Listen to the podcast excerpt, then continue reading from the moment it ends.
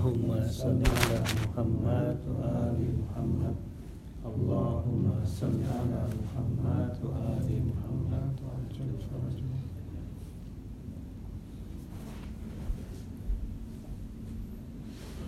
أعوذ بالله من الشيطان الرجيم. بسم الله الرحمن الرحيم. الحمد لله رب العالمين والصلاة والسلام على أشرف المرسلين. سيدنا وحبيبنا أبي القاسم المصطفى محمد. اللهم صل على محمد وآل محمد. اللهم صل على محمد وآل محمد. اللهم صل على محمد وآل محمد. وعجل فرجه الحمد لله.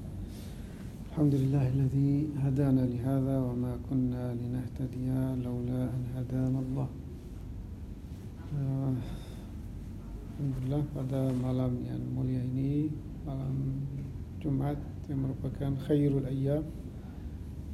Dan malam ini juga malam yang terbaik dan semua amalan kita di malam Jumat dan hari siang Jumat. Termasuk amalan yang terbaik Sampai ada riwayat yang mengatakan bahwa hari Jumat itu kalau keutamaannya melebihi hari-hari besar seperti hari raya misalnya Idul Fitri atau Idul Adha di hari Jumat merupakan Sayyidul Ayyam dan merupakan hari yang terbesar.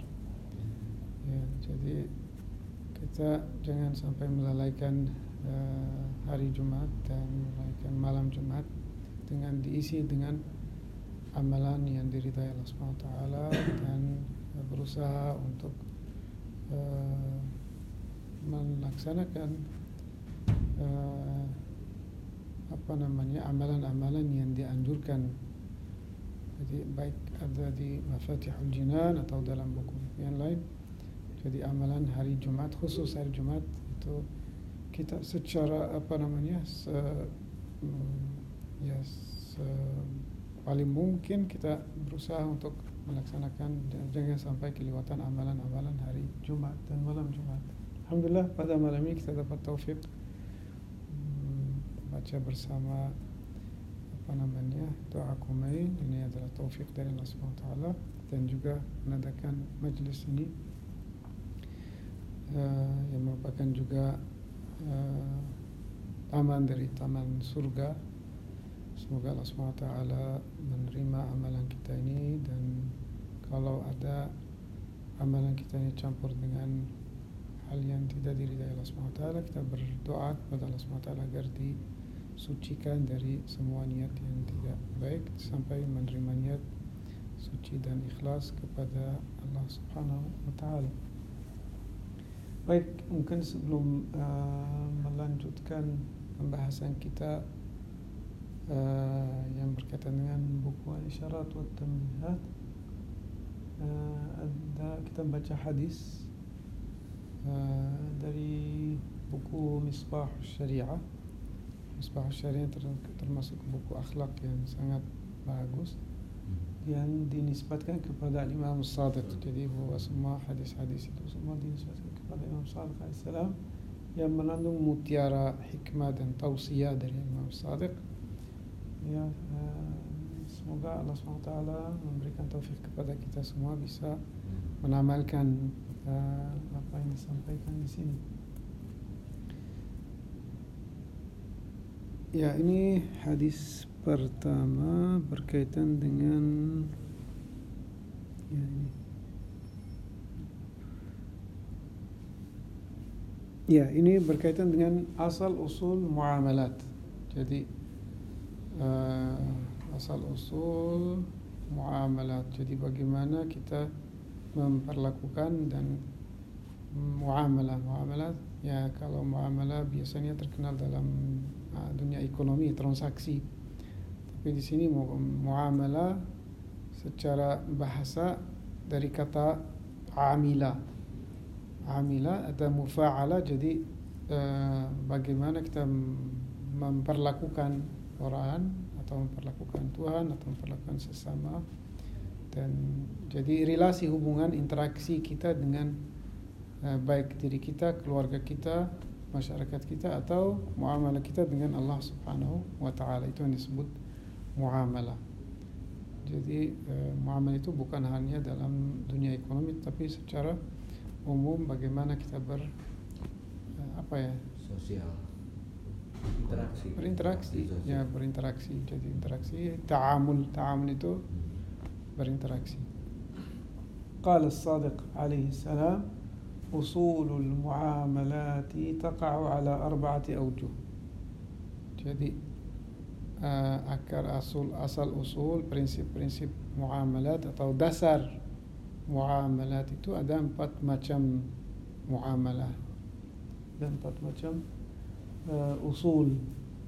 Jadi yang yang selebihnya itu adalah cabang furu' jadi kalau ini usul jadi ini menyampaikan uh, sesuatu yang sifatnya kulli universal lalu yang lain bisa diambil dari sini. Jadi kasus-kasus yang partikular bisa diambil dari empat ini itu cabang dari empat ini. Yang pertama muamalatullah. Jadi karena ini merupakan muamalah yang paling penting.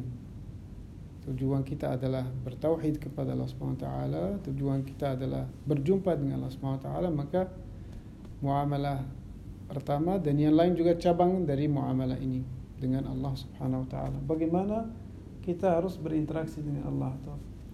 Yang kedua, muamalatun nafs. Bagaimana kita memperlakukan diri sendiri. Karena diri sendiri ini merupakan uh, kendaraan atau pejalan yang akan menuju kepada Allah SWT. Jadi harus tahu yang ini yang berjalan seperti apa dan bagaimana harus diperlakukan diri kita, bagaimana kita memperlakukan diri sendiri. Yang kedua muamalatul khalq. Orang yang di sekitar kita secara umum bagaimana uh, muamalahnya. Yang keempat muamalatul dunia. Jadi alam yang di sekitar kita.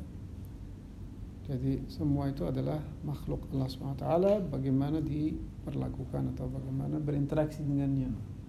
Wa kullu wajhin minha munqasimun ala sab'ati arkan. Setiap wajah, setiap bagian dari empat itu dia juga terbagi tujuh. Tujuh rukun, tujuh tiang. Dia terdiri dari tujuh tiang. Amma usulu muamalatillah. Jadi yang pertama bagaimana berinteraksi dengan Allah SWT. Fasab'atu asya. Jadi ada tujuh hal yang kita perlu lakukan atau perlu ketahui dan perlu uh, mendirikan dalam interaksi kita dengan Allah SWT.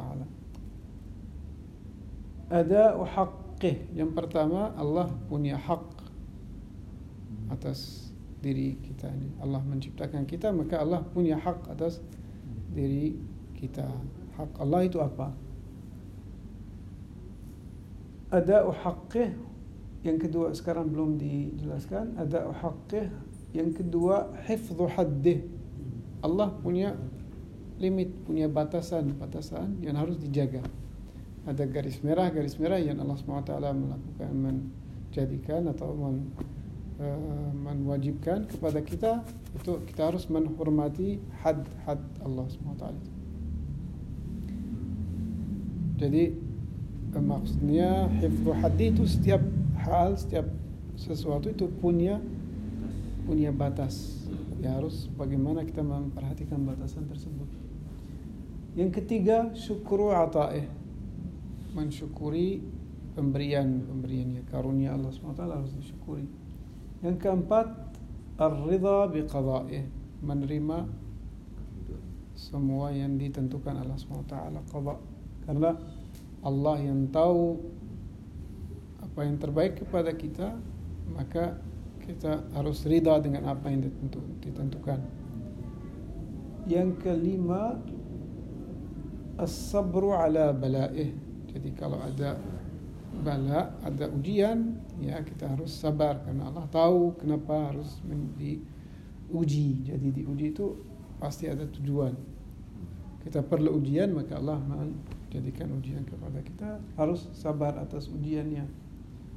Yang keenam ta'zimu hurmatih menagungkan kehormatan Allah Subhanahu wa taala, membesarkan kehormatan Allah Subhanahu wa taala. Dan terakhir wasyauqu ilai rindu kepadanya kepada Allah Subhanahu wa taala. Jadi Allah merupakan tujuan akhir kita dan kita dengan ma'rifah mengenal bahwa tujuan itu merupakan tujuan paling penting, tujuan paling sempurna, tujuan paling utama, maka kita harus rindu tujuan tersebut. Dan rasa rindu itu tidak akan muncul kecuali dengan mengenal dan mengetahui bahwa tujuan itu adalah tujuan yang terbaik bagi kita. Meyakini bahwa itu adalah tujuan yang terbaik. Selain itu bukan tujuan atau tujuan yang sementara dan aksidental. Ya, jadi mungkin uh, kita tidak akan terlalu apa ya mendetail, jadi sekedar uh, sekilas saja. Karena kalau memecah setiap asal akan apa namanya makan waktu yang cukup lama. Jadi uh, apa namanya uh, cukup kita tahu dasar-dasarnya, tahu usul-usulnya dan secara sekilas saja. Terus wa usulu muamalatin nafs. Nanti kalau misalnya ada apa namanya ada yang apa masalah atau bisa di bisa ditanya atau bisa di kalau ada hal yang tidak jelas atau misalnya ada pertanyaan tentang usul-usul ini bisa di baik eh, apa namanya sebelum kita akhiri atau sesudah kita akhiri nggak apa-apa.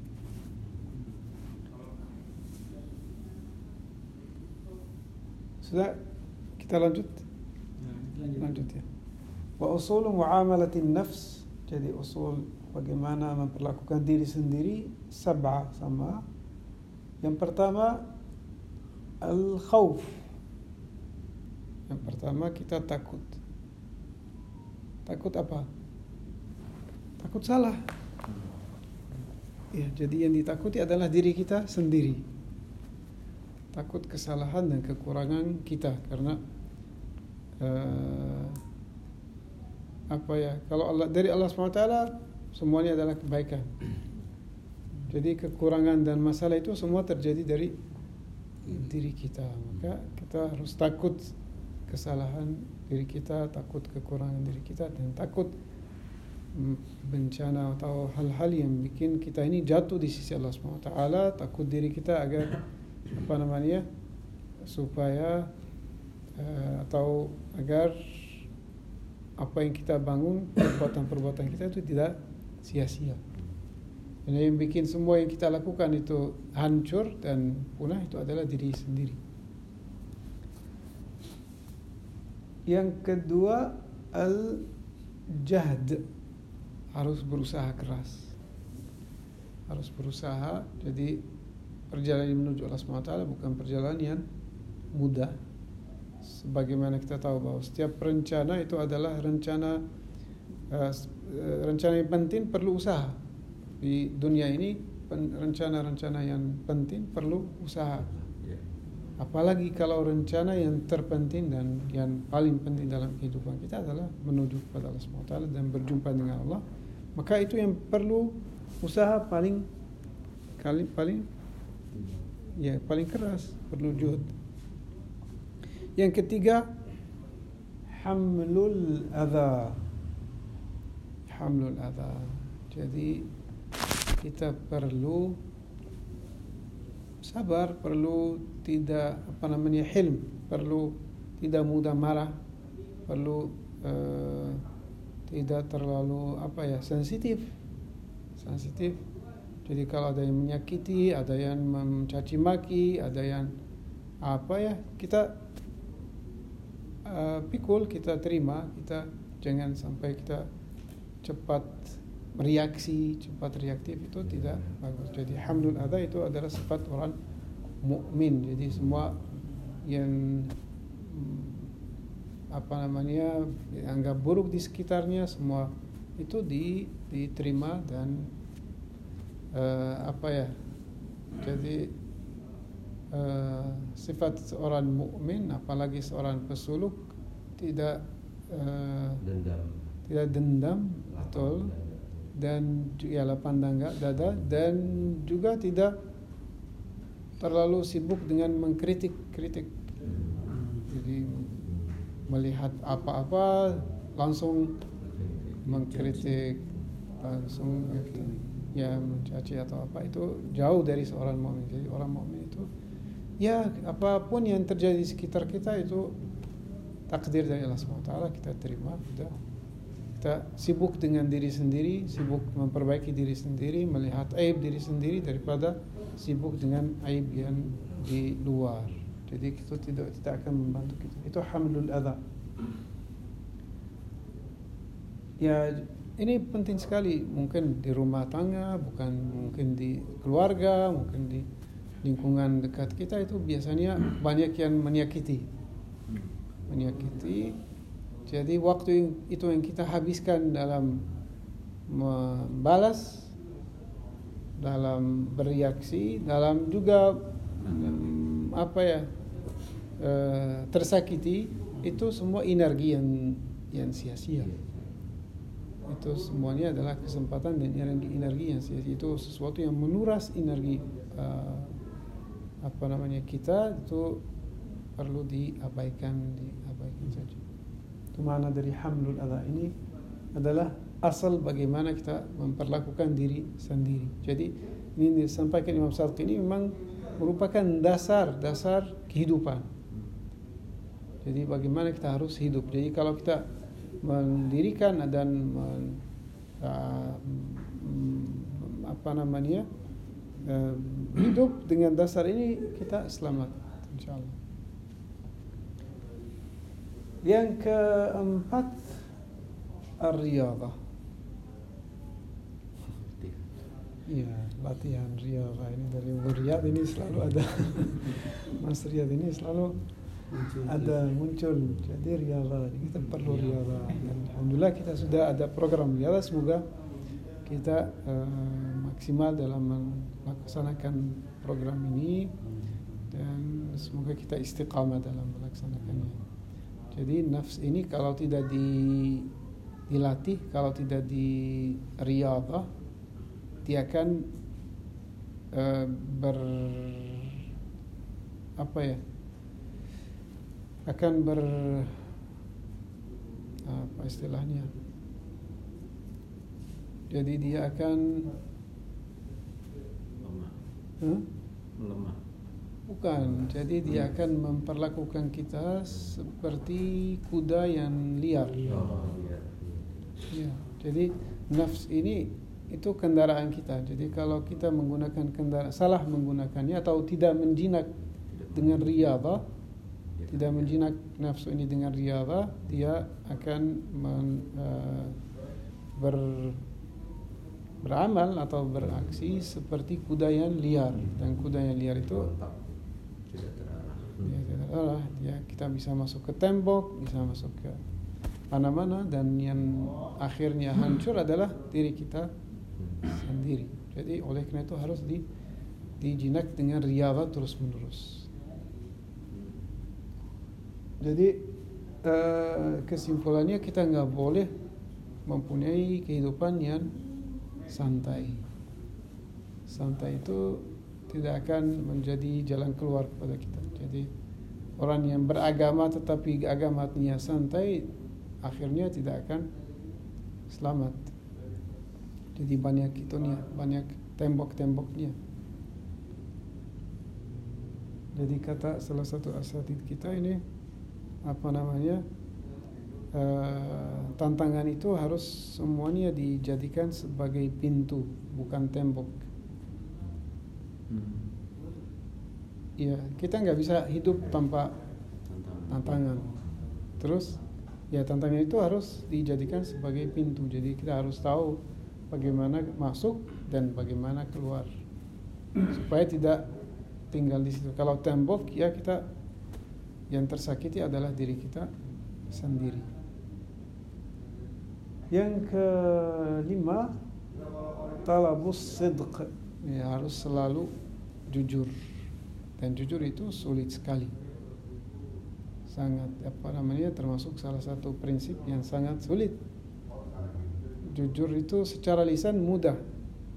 Ya relatively mudah lah. Jadi orang bisa jujur secara lisan berusaha tidak omong kecuali yang yang benar. Tapi kejujuran yang sebenarnya yang sejati itu sulit sekali yaitu kesesuaian antara batin dan lahir. Kesesuaian antara pikiran terus niat sifat dan perbuatan itu semuanya sejajar dan satu. Itu yang perlu diperjuangkan. Itu mana dari sedekah Jadi bukan jujur sebatas di lisan ya saja. selisan itu memang untuk awam Hmm. jadi itu diperjuangkan oleh awam dan Iya. itu bisa jadi kalau orang hati-hati ya bisa tapi jujur secara itu eh, apa namanya jadi ada korespondensi antara batin dan lahir itu sulit sekali. Sulit. karena eh, secara lisan kita memperhatikan orang jadi kita menghadap orang. Dan kita berusaha supaya dengan orang tidak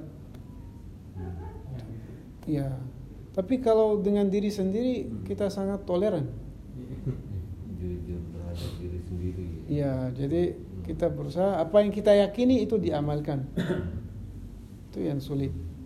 Jadi karena nggak ada yang lihat kecuali diri kita dan Allah swt jadi Jadi orang satu bentuk kejujuran kepada diri itu adalah mengamalkan apa yang diyakini. Ya. ya itu eksistensial jadi itu korespondensi tadi antara batin dan lahir yang kita yakini kita terapkan ya amalkan jadi ada konsistensi ada eh, apa namanya kejujuran itu dalam konsistensi istiqamah dan itu jadi itu sidq, talabus sidq. jadi harus selalu mencari sesuatu yang harus dijadikan tujuan sidq Innallaha ma'as sadiqin jadi Allah selalu bersama orang yang jujur. Jujur secara ini secara eksistensial. Atau juga ada kunu ma'as sadiqin jadilah bersama orang yang jujur. Itu tidak ada yang paling sadik daripada ahlul bait alaihi salam jadi itu adalah ya orang yang paling jujur. Kita menjadikan beliau itu sebagai teladan. Terus berikutnya al-ikhlas Nah, kita berusaha agar membersihkan tujuan-tujuan kita dari tujuan yang selain Allah Subhanahu wa taala. Jadi kita punya satu tujuan em, semua yang kita lakukan itu untuk Allah Subhanahu wa taala. Maka kalau kita punya satu tujuan dari itu Allah Subhanahu wa taala, kita tidak peduli mau di dipuji, mau dicaci maki, mau di itu kita nggak peduli karena bagi kita yang penting pandangan Allah bukan pandangan orang. Jadi bagi kita pandangan orang tidak penting. Jadi itu yang bikin kita semua muncul dari dalam dan semua uh, untuk mendapatkan ridha Allah Subhanahu wa taala itu mana dari ikhlas sampai kita termasuk orang yang diikhlaskan Allah Subhanahu wa taala sendiri karena diri sendiri susah sekali untuk mencapai makam ikhlas dari uh, apa namanya kita uh, berusaha untuk mencapai makam mukhlasin. Berikutnya wa ikhrajuha min mahbubiha. Ya wa ikhrajuha min mahbubiha. Mengeluarkan diri dari apa yang dia cintai. Ya biasanya nafs itu mencintai mencintai dunia. Karena nafs lahir dari dunia. Jadi ibunya adalah dunia. Dan setiap anak mencintai ibunya. Dan tugas kita dalam perjalanan menuju Allah SWT ini adalah memisahkan jadi melakukan apa yang disebut fitam. Fitam itu apa istilahnya? Cerai. Sapi kalau di menyusui menyapi. ya jadi anak kalau sudah dua tahun di Disapi bahasa di sini. disapi jadi dipus- eh, dipisahkan jadi itu yang harus kita lakukan pada diri sendiri sebenarnya diri kita ini sudah alami secara alami mencintai dunia. Hmm. Jadi kita harus berusaha untuk memisahkan dan menyapikan istilahnya. Ya, harus menyapikan diri kita dari dunia. Itu yang merupakan dia cintai secara alami harus dipisah. Wa ikhrajuha min mahbubiha wa rabtiha fil faqr dan diikat dengan fakir, kefakiran. Nah, kefakiran itu maksudnya tidak ada uh, ya terikatan kecuali Allah Subhanahu wa taala. Fakr Rasulullah sallallahu alaihi mengatakan al-faqru fakhri. Al-faqru fakhri. Kefakiran itu adalah kebanggaanku. Jadi fakir di sini bukan maksudnya tidak punya harta atau tidak punya uang, tapi kebutuhan keterikatan kecuali kepada Allah Subhanahu wa taala. Jadi sadar bahwa kita ini bukan apa-apa dan tidak punya apa-apa. Dan semua yang kita punya kita dapat dari Allah SWT terus menerus. Jadi kalau diputus satu titik sudah tidak ada. Itu warabtuha fil faqr. Ya ini sudah tujuh. Kita lanjut atau cukup? Masih. Ya, kalau boleh silakan kita supaya interaktif. Tanya. Iya. Ya. Karena gitu Ustaz, yang apa balik ke utama yang muamalah terhadap Allah gitu. Mhm. Eh, kan ada batas-batas jangan sampai kita melampaui batas Mhm. Garis merah. ada garis nah batas atau garis merah di sini eh, maksudnya apa gitu. terus kemudian ya boleh Ustaz ya Hmm? Yes. Boleh menjaga apa eh, kemuliaan Allah Hmm. menjaga kemuliaan Allah itu ya konteksnya seperti apa Hmm. Ya, sebenarnya Allah SWT sudah menjelaskan batas-batasan itu batas-batasan melalui syariah. oh. Jadi syariah itu merupakan batasan Allah Subhanahu wa taala. Terus eh, apa yang dibolehkan Allah taala, apa yang diharamkan Allah taala itu semua merupakan batas-batasan Allah taala baik secara akidah Iya. atau secara akhlak atau secara muamalah.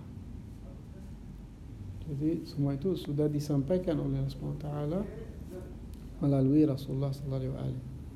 Terus garis besarnya adalah Allah adalah Tuhan, pencipta, Rabb, pendidik, pemimpin, ilah. Jadi kita tidak boleh menyembah selain Tuhan, tidak punya, tidak boleh mempunyai tujuan selain Tuhan, tidak boleh mengikuti perintah apa pun kecuali Tuhan, tidak boleh melakukan apa pun kecuali untuk Tuhan. Nah ini adalah Tuhan dan kita adalah hamba yang fakir yang tidak punya apa pun yang bergantung 100% pada Allah. Jadi dengan mengetahui ini kita sudah mengetahui batas kita. Kenapa Allah SWT mengatakan yata'adda hududallahi faqad zalama nafsah. Dan barang siapa yang melampaui batas-batasan Allah SWT maka dia menzalimi dirinya sendiri. Jadi karena Allah SWT dengan batasnya itu tidak mau membatasi kita Tetapi mau memberikan arahan bagaimana kita ini menjadi manusia yang mulia Jadi diri kita ini berhak untuk menjadi diri yang mulia, diri yang ilahi. Dan tidak terbatas, tidak dibatasi oleh apa pun. Jadi free atau mutlak kita bisa mencapai kemutlakan itu dengan dengan menyatu dan dengan fana dalam Allah SWT. Tapi bagaimana caranya? Harus menghormati batasan yang dijadikan Allah SWT. Ya, itu mana tidak men- apa namanya menghormati batasan-batasan Allah. Walaupun apa batasan-batasan itu bertingkat ya Ustaz ya. Misalnya so, misalnya batasan fikih seandainya ada pun halal tapi ketika bersuluk nggak boleh berlebihan misalnya dalam sesuatu yang secara syar'i mungkin halal gitu Hmm. atau seperti apa Iya seperti itu. Jadi memang itu termasuk batasan Allah. Jadi Allah swt memberikan peluang untuk menggunakan yang dihalalkan, tetapi itu juga dengan kadar, Hmm. dengan kadar dan tidak melampaui batas. Jadi israf itu innallaha la yuhibbul apa namanya musrifin atau kullam innal musrifina kanu ikhwan syayatin. Jadi orang yang berlebihan itu orang termasuk saudara syaitan. Jadi israf itu bisa me- melakukan sesuatu yang halal tapi israf atau eh, apa ya me- me- menggunakan hartanya tapi secara berlebihan. Mem- ya, boros. Boros itu juga mungkin boleh tetapi tidak halal ya tidak apa namanya tidak melampaui batas Nah, misalnya orang membeli apa ya membeli misalnya membeli sesuatu yang dia tidak butuh Hmm. Termasuk halal kan? Kalau sesuatu itu halal. Dia tidak ada yang melarang bahwa kita membeli sesuatu yang yang tidak ber itu. Tetapi secara akhlak atau secara juga suluk itu termasuk israf. Mungkin batasnya itu. Eh, antara kebutuhan dan keinginan. keinginan adalah keinginan kita sesuai dengan keinginan Allah dan kebutuhan juga dibatasi oleh syariat. Jadi dalam syariat kita dapat adab misalnya makan, adab minum, adab Iya. eh, apa namanya gaya hidup itu semua ada ada itunya, ada caranya, ada tata caranya. Itu itu batas batasan Allah SWT. Jadi orang yang menghormati batasan Allah dia tidak melakukan apa pun kecuali memperhatikan ridha Allah. Bukan Ingin. keinginan. Jadi misalnya ini karena saya mau saya melakukannya, tidak. Karena Allah mau, karena Allah suka, Allah cinta, maka kita lakukan. Itu batasan-batasan Allah, Allah Subhanahu wa taala. Dan yang kedua, keagungan Allah Subhanahu wa taala itu Hmm. itu sesuatu yang semakin kita kenal dengan Allah, semakin kita mengagungkan dan mengagum dengan Allah Subhanahu wa taala. Semakin kita berinteraksi dengan Allah taala, semakin muncul itu kehormatan dan agungan Allah taala. Ya, semakin kita mm, apa ya, jauh dari Allah wa taala eh, akan sibuk dengan hal-hal yang tidak bermakna, hati kita menjadi keras dan tidak akan menanggap Allah itu penting karena banyak hal yang penting bagi kita yang duniawi menjadi penting bagi kita. Jadi semakin banyak hal yang penting bagi kita Allah tidak akan menjadi prioritas.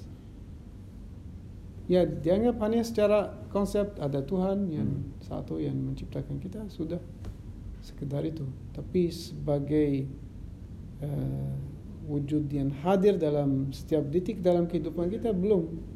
Maka kita tidak mungkin men- menagungkan Allah SWT menghormati Allah SWT ya, jadi barang siapa yang mengenal Allah selalu berinteraksi dengan Allah akan muncul itu keagungan Allah SWT dalam hatinya. Jadi begini jadi apa namanya reciprok barang siapa yang menanggap selain Allah SWT tidak penting Allah akan menjadi hal yang paling penting. Bagaimana eh, barang siapa yang menanggap selain Allah itu penting tidak akan muncul kepentingan Allah SWT kehormatan Allah. Sebagaimana dalam hadis ya apa namanya ya, saghara al-makhluqu fi a'yunihim atau sesuatu jadi kalau makhluk itu menjadi sesuatu yang kecil dalam mata mereka maka Allah SWT akan muncul keagungannya فعظم الخالق في في أعينهم seperti itu.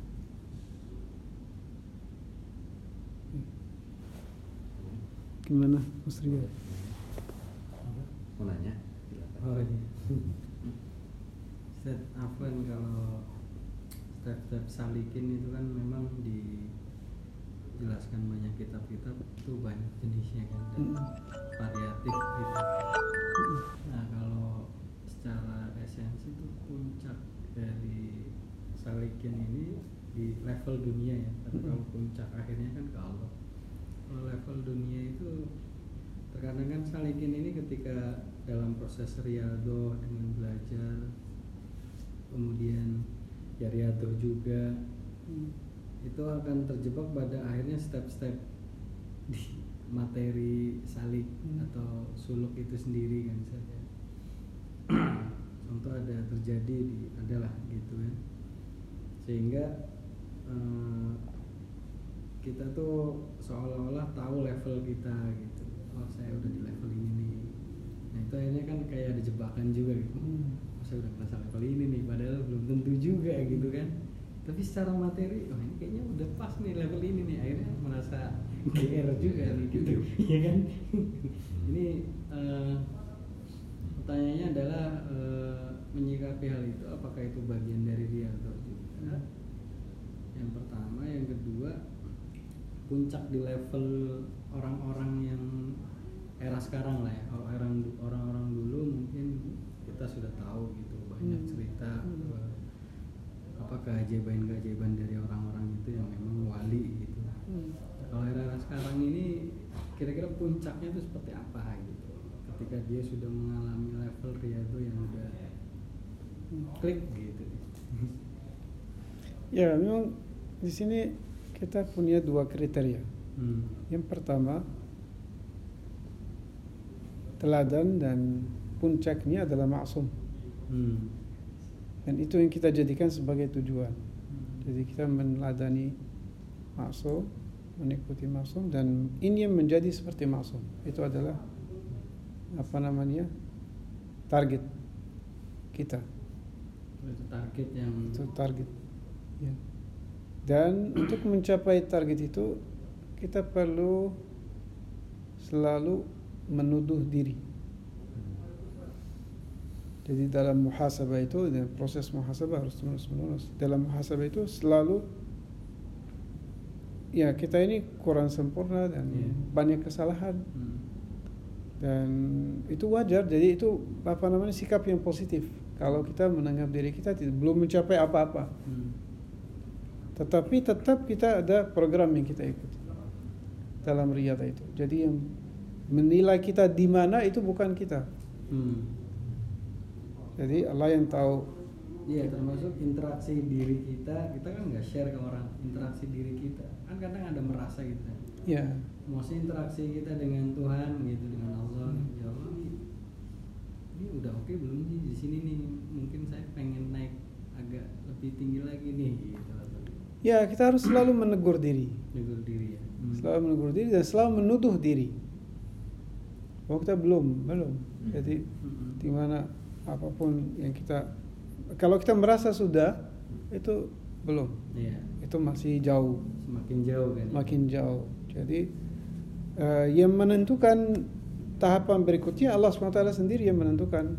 Jadi itu secara alami secara eksistensial di mana ada kesiapan untuk berikutnya atau tahap berikutnya Allah SWT akan menyediakan tanda-tandanya tanda-tandanya jalannya bagaimana itu terserah Allah dimaksud Maria itu ada Indikator, karomah indikator. di Hmm. karomah gitu indikator. bukan Indikator. kalau karoma kan level tertentu juga ya Seth ya itu ya itu biasa saja Biasa dan saja bukan kan, tujuan ya. Hmm. jadi orang yang mencari karama akan terjebak iya terjebak bisa dapat karama tapi terjebak itu menjadi hijab Mm-mm. Nah, eh, itu saya udah cukup terjawab. Nah, pertanyaan kedua adalah kita udah menuduh diri, ya kan? Menuduh diri. udah. Eh, pokoknya eh, seperti yang dikatakan Ustadz bahwa ketika udah merasa di level itu, dengan kata lain berarti kita bisa eh, kebalikannya Hmm. paling jauh gitu. Ya, ya. betul. Walhasil eh, ketika coba eksplor lah katakanlah dari eh, apa karangan apa buku-buku atau literasi penjelasan-penjelasan men- mengenai salikin khususnya yang membahas secara serius kan salah satunya eh, saya rasul atau Imam Khomeini Hmm. ya kan rahimahullah nah, beliau kan sangat serius sekali Hmm. ketika membahas soal suluk ini kan Hmm. sehingga ketika melihat eh, step-stepnya dari Imam Khomeini sendiri rahimahullah itu kayaknya kita kayak ngelihat di atas langit ketujuh gitu. Ya Allah ini sanggup nggak ya gitu? Akhirnya ada rasa pesimis gitu. Jadi awal oke. Jadi stepnya ketika awal oke wah ini kayaknya udah di sini nih gitu. Iya kan? Tiba-tiba kebalik kan di jeger buku Hmm. saya Wasuluk Tabrizi itu disebutkan ada tujuh tahapan-tahapan seorang mulai dari pencarian Hmm. sampai Ya, yang ya. terakhir ke tauhid itu mungkin Hmm. itu kali Ustaz. Ya, tapi kita ini tidak menentukan di mana kita. Iya, maksudnya pas tadi saya lanjut. Tapi Imam Khomeini sendiri, Iya. kalau kita baca Imam Khomeini Iya. sendiri selalu menuduh diri. Iya, menuduh Di diri. Setiap dia, dia, dia itu dia bilang "Sa- saya miskin. Ah. Saya miskin ini yang seperti ini. Jadi ini untuk kalian yang mencari tapi saya yang miskin ini apa namanya berdoa agar Allah Subhanahu wa taala Iya, dia Hmm. merasa selalu Iya. kurang Ustaz. Iya. Nah, kalau tadi secara apa ya, keilmuan itu Ustaz, kan kayak eh, di Sair Asuluk itu ada tujuh Hmm. tahapan-tahapan makom-makom Iya. yeah. salik ataupun di Mula Sadra kan ada empat Perjalanan. perjalanan, gitu. Hmm. atau mungkin itu kali Bukan, jadi itu diketahui secara teori. Jadi itu bukan teori, ya. ya, Kalau kita teori. Selesai lagi. Iya, kalau Kita kita, kan ini tahu. ya kalau kita nggak mungkin tahu Iya. dan jangan sampai menempatkan Hmm. diri di Di mana. mana kita sudah di mana iya Jadi iya. prinsipnya sebagaimana Imam Khomeini melaksanakan. Iya. Imam Khomeini dalam tahap apa pun beliau sekala selalu mengatakan saya miskin. Iya, Dan itu itu fakta intinya, bukan iya. berlebihan juga. Itu fakta yang diungkapkan Imam Khomeini. Tapi miskin itu dalam setiap tahap ada miskinnya. Jadi dalam tahap kita kita ini kemiskinan kita sangat fatal. Hmm. Dalam tingkatan Imam Khomeini miskin juga tetapi dalam ling- apa namanya tingkatan Tingkat, beliau hmm, dalam ya. tingkatan beliau jadi setiap wali miskin dalam tahap itu tetapi da, yang dia sadari atau menyadari kemiskinannya dalam levelnya dan setiap Hmm. level kita harus merasa memang miskin Iya. jadi kalau menanggap diri sudah tidak miskin ya itu, Oh, itu itu kita menjadi seperti syaitan yang Nah, turun ketika di level itu kan lagi-lagi ketika proses itu kan pasti perang batin itu. Mm-mm. Level misal level ya pemula lah, newbie Pencari. biasanya kan tahu dia ada di level basic lah ya, level istilah basic. Wah ini saya udah di level ini nih. Pas udah naik advance, tiba-tiba kayak dia merasa ketendang, der jauh. Waduh, kayaknya saya udah nggak sanggup lagi. Nah di situ munculnya pesimis gitu. Secara tidak terasa walaupun secara apa secara eh, pernyataan ataupun apa ya tindakan dan seterusnya tidak dia akui gitu. Tapi ketika sudah mengenal bagaimana Ruhullah, Ayatullah itu Umaini rahimahullah itu luar biasa kan. Kita kayak ngelihat ini belum nabi loh itu. ini udah luar biasa banget gitu. gitu Ustaz. Jadi kayak waduh jauh banget ya. Bukan begitu. Jadi Hmm. eh, yang bikin kita ini semangat Hmm. bahwa tidak ada yang mustahil bagi Allah SWT. Iya, iya. Jadi sebenarnya yang bikin kita itu naik atau turun, yang bikin kita naik Allah, yang bikin kita kita turun dia kita sendiri. Jadi kita yang menalahkan diri kita sendiri.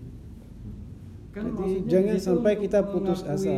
Mengakui bahwa supaya kita tidak merasa kan. Tidak ada yang menakui, tidak ada yang tidak menakui, semua menakui. Jadi Hmm. walaupun yang sudah di level apa pun menakui Hmm. bahwa dia bukan apa-apa dan tidak mencapai apa-apa. Oh, oke. Dan di level itu benar, bukan berlebihan atau bukan apa ya, Iya. bukan kiasan, bukan berbasa-basi bukan basa-basi. Iya. Ya, tapi setiap level ada kita belum belum terlalu selalu me- merasa belum. Iya. Tapi juga dari sisi lain jangan sampai kita putus asa Iya. karena selalu ada Allah yang men, eh, apa namanya dia yang bikin kita naik dia yang bikin kita ikhlas dia yang bisa bantu kita untuk jadi oleh karena itu kita selalu berusaha selalu berusaha walaupun gagal harus berusaha Hmm. tetapi ada yang disebut threshold Hmm. Maksudnya gimana? threshold threshold yang apa namanya minimal sesuatu yang minimal yang di mana kita menganggap diri kita salik atau bukan Hmm. Batas ada standar lah. ya kita mulai sudah mulai suluk atau belum Hmm. nah itu zadus salik menjelaskannya Iya. Iya. Dalam Zadus Salik. Syekh Syekh Faid Kashani menjelaskan di situ kalau misalnya tidak memenuhi standar ini jangan menganggap diri salik Iya. jadi masih awam nah itu benar kalau Jadi- di itu Ustaz, yang sayur was wasuluk itu yang tabrizi kan ada tujuh itu, tujuh Iya. itu apa itu secara global menjelaskan ya menjelaskan. jadi tujuh tingkatan jiwa dan tujuh tingkatan martabat yang mau dicapai itu. Silakan Bir. ada Tapi- juga itu yang ter- tertanggung di apa yang Mas Rian tanya tadi ada salah satu aimah saya lupa menyebutkan jika engkau ingin tahu bagaimana kedudukanmu di sisi Allah Hmm. tanyalah kepada dirimu sendiri Iya. bagaimana kedudukan Allah di dalam hati Oh, Iya. Itu perkataan Imam Ali. Iya. Gimana dia Hmm. Nah, Ya. Ya, silakan. Tadi antum bilang target maksumin gitu. Iya. Iya. Apa nggak ketinggian? Kan langsung mesti. Enggak ketinggian. Allah SWT mengatakan lebih dari itu. Allah mengatakan Rasulullah potensi mengatakan Rasulullah bukan maksumin saja jadi Iya. lakum fi Rasulillah uswatun hasanah. Jadi uswatun hasanah artinya apa? Artinya kita ingin jadi seperti Rasulullah. Iya. Nah, maksudnya kalau misalnya, oh kita pengen jadi Mirzat lah. kata Bung Egi kemarin waktu waktu main ke rumah Tapi ini target tertinggi. Iya. benerin aja sholatnya sholat tepat waktu dulu aja pak awal waktu kata Bung Egi itu dulu benerin Hmm. sholatnya awal Jadi kalau mempunyai target yang tertinggi akan berusaha, Hmm. akan berusaha. Jadi kalau kita selalu mengatakan itu udah level yang tinggi, kita nggak akan bakal sampai. Hmm. Dan selalu menganggap diri Hmm. awam. Hmm. Ini bukan untuk diri kita, ini untuk para wali. Jangan itu nanti dulu atau bukan untuk kita. Jadi itu adalah pesimisme dan putus asa dari rahmat Allah. Jadi itu artinya kita ya harus optimis. Iya. Jadi kita tetap diciptakan untuk menjadi manusia yang sempurna. Hmm. Jadi kalau target Allah SWT dari penciptaan kita karena kita layak untuk menjadi seperti itu Allah menjadikan kita seperti Hmm. sebagai manusia. Kalau tidak Allah akan menciptakan kita yang lain, bisa sapi, bisa apa sesuatu yang lain. Tapi kalau diciptakan sebagai manusia maka punya potensi untuk menjadi manusia. Hmm. bikin sekte nyari umat Yeah, we can check up, yeah. Yeah.